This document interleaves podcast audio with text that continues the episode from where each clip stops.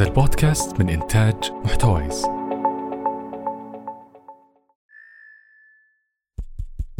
تنويه. أنا طول هالموسم بكون مثل همزة وصل. مع أطروحات أتمنى أنها تثري وقتك وراح أتحلى بالمحايدة. إذا هي ممكنة. وحق النقد والنقاش مكفول للجميع من حلقة لحلقة. أسعد الله أوقاتكم بالخير وين ما كنتم. أنا المها عيسى ويا رب أكون عند ثقتكم بهالموسم. وتحياتي من هالمايك للي سبقوني عليه. زملائي خالد ومحمد اللي قدموا لكم المواسم اللي راحت بأحسن ما يكون. الحياة أصلا مفارقة. تمر عليك هالجملة أو يمكن تقابلك في timeline ك أكثر من مرة. بس ما تدري هل هي بالدلالة القطعية أو بس احتمالية تأخذ أكثر من تفسير؟ بس المؤكد إن على حسب تعريفك للمفارقة نفسها وإذا كنت تفضل استخدامها بمصطلحها الإنجليزي فالكلام الآن عن البارادوكس أو البارادوكسية في حياتنا.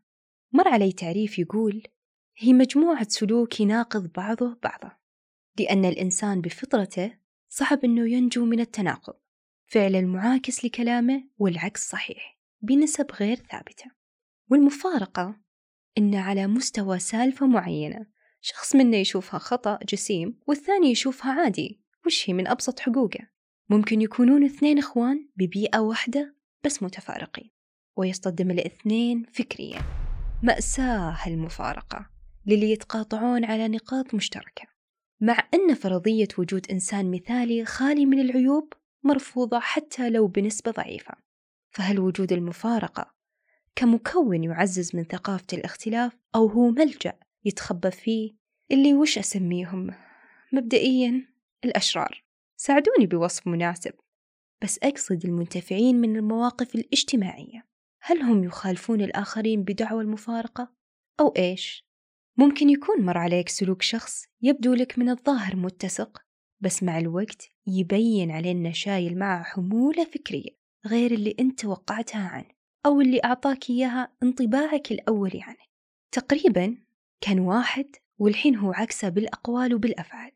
مدري إذا هي تقسيمة دقيقة أو لا وهي أن التناقض يخص الأقوال وأن التضاد يمثل الأفعال وعشان كذا الأول منتشر بالميديا. طيب هل التناقض بالكلام لذة وحلاوة؟ أو هو شعور بأن الحكي ما عليه جمرك مقارنة بممارسة الفعل المتناقض؟ لو حطينا الاثنين على نفس الميزان. أكثر مكان ممكن نعاين فيه البارادوكسية أو المطالب المتناقضة على المكشوف هي الحياة الجامعية ومن بعدها العمل وتتوالى التناقضات. يعني مثلا يطلب منك تسوي بحث متعمق حول ترند جديد في الطب بس في يومين أو فنان أهله يسمحون له يدخل الفن وإنه يغتني منه. بعدين يتدخلون في كل صغيرة وكبيرة ويحاسبونه على نزاهة فلوسه.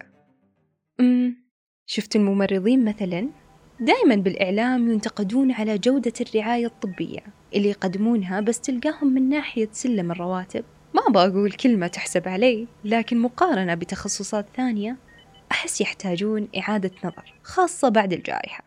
الأمثلة كثيرة بس بختم بالمدرس أو المدرسة اللي ينصحونها قبل التعيين. صيري شديدة معهم وحازمة حبتين بعدين في مجلس من مجالس البنات تلقاهم يمدحون أستاذة لطيفة وطيبة مع طالباتها وفصلها محترم.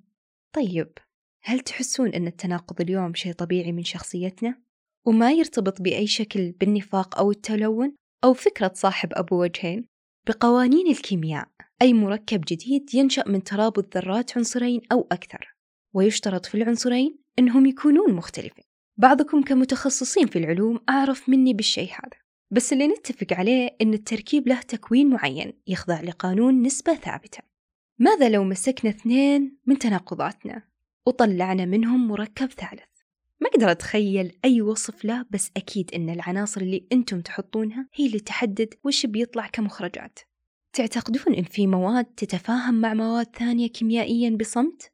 بدون انبعاث للحرارة أو أي شيء يبين واقع الصراع؟ أتخيل خيوط دخان تتصاعد من أذان الناس بسبب التوتر والضغط. لمن يتعايشون مع فكرتين بينها أميال ومسافات خاصة لو باقي ما اشتغلوا على التعامل معها بتصالح. مقاطعة. في شيء جاء ببالي الآن وأعتقد ما له دخل بالسالفة. بس ودي أقوله شفتوا التعليق المتكرر على الشخص اللي دايما يشجع الناس إنها تاخذ حقها؟ إنه هو أكثر واحد مسحوق ومسحوب على حقوقه. هل له علاقة بالبارادوكسية الأليمة؟ أو هذا شيء ثاني؟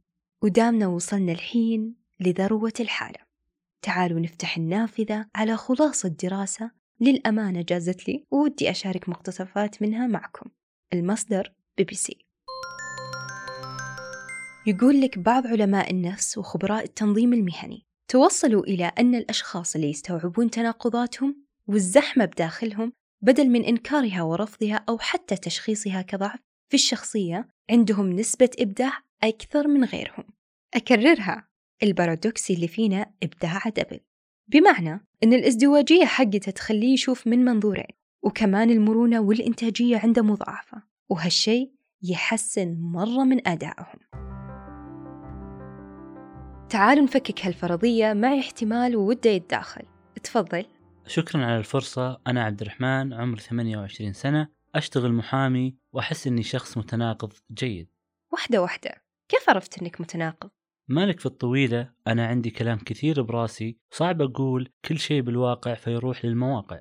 يعني على ال social media؟ إيه بالضبط. عندي حسابين الأول باسمي الحقيقي يتابعني عليه 1360 شخص وافتراضي قرب من 15 ألف followers أوه الفرق كبير. يعني أنت أنشط بالثاني الافتراضي. بالضبط أنا أتكلم فيه كثير عن رأيي الصدقي في قضايا اجتماعية مهمة يتكلم فيها اللي يفهمون بالأحكام والأنظمة وعندهم غيرة على الأسرة السعودية من التفكك وغيرة بس بالواقع ما أبي أطلع بصورة الشاب بعقل الشايب أو الناصح الممل. أنا متجدد وأحب أواكب وأقرأ كثير. لذلك عندي شيء أقوله أو تقدرين تقولين آه، عندي رسالة. أدري أن كلمة رسالة كبيرة بس تعرفين حاجة كذا بداخلي أكبر من سني وودها توصل لكل من يقرأ تغريداتي بتويتر. تناقضك واضح الحين بس هل تحس أن عالم هش على الرغم من قوتك فيه وتأثيرك؟ أعتقد إيه المها. أحس إنه مرة هش بس مستحوذ علي. أبعطيك تلميح بسيط. شفتي لما يتواصل معي أحد وده بمساعدة؟ أحيانا يكون شيء مرة متواضع مثل مشورة لأم أو أب. ما أقدر أعطيهم رقم التواصل أو أي شيء ولا لهم بالتطبيقات مثل زوم فيجيني شعور أن ذاتي مزيفة أو غير حقيقية. بس صدقا والله ما أكون نفسي اللي يتجلى عطاها وأثرها إلا تحت ذاك اليوزر. أعرف أن تضخم وزيادة الأرقام مو بالصالح المها بس على أمل أوصل لفورمة مناسبة وبسرعة وتلتقي هالشخصيتين تحت اسمي. إن شاء الله. الله يسمع منك. عبد الرحمن كان يبدو لي فاهم لنفسه أكثر من إنه متناقض. بس شكرا على شفافيته وتصالحه. علموني كيف شفتوه؟ الفرضيات كثيرة ومستمرة. ماذا لو أن سين من الناس المتناقض عنده منظورين؟ وكل المنظورين مثلا صفر عند المتلقي. يعني معدومة القيمة. هل راح نتجنب زيادة؟ أقصد فكريا. طيب من ناحية ثانية. هل المتناقض ينجح في بيئات دون غيرها؟ تحت مناخ ثقافي معين مثلا؟ طيب حالة أخيرة هل نقدر نأخذ آراء وردود فعل العينة غير المجربة لما نتكلم عن التناقض البشري؟ ولو خذينا السؤال إلى المستوى المادي كيف ممكن لفكرين يحملون طاقتين مختلفتين عن بعض إنهم ينصهرون سوا في سلوك متناقض لكن إثرائي كنهم سيمفونية متناغمة الحلقة ما ودها تخلص والأسئلة كثيرة كثيرة.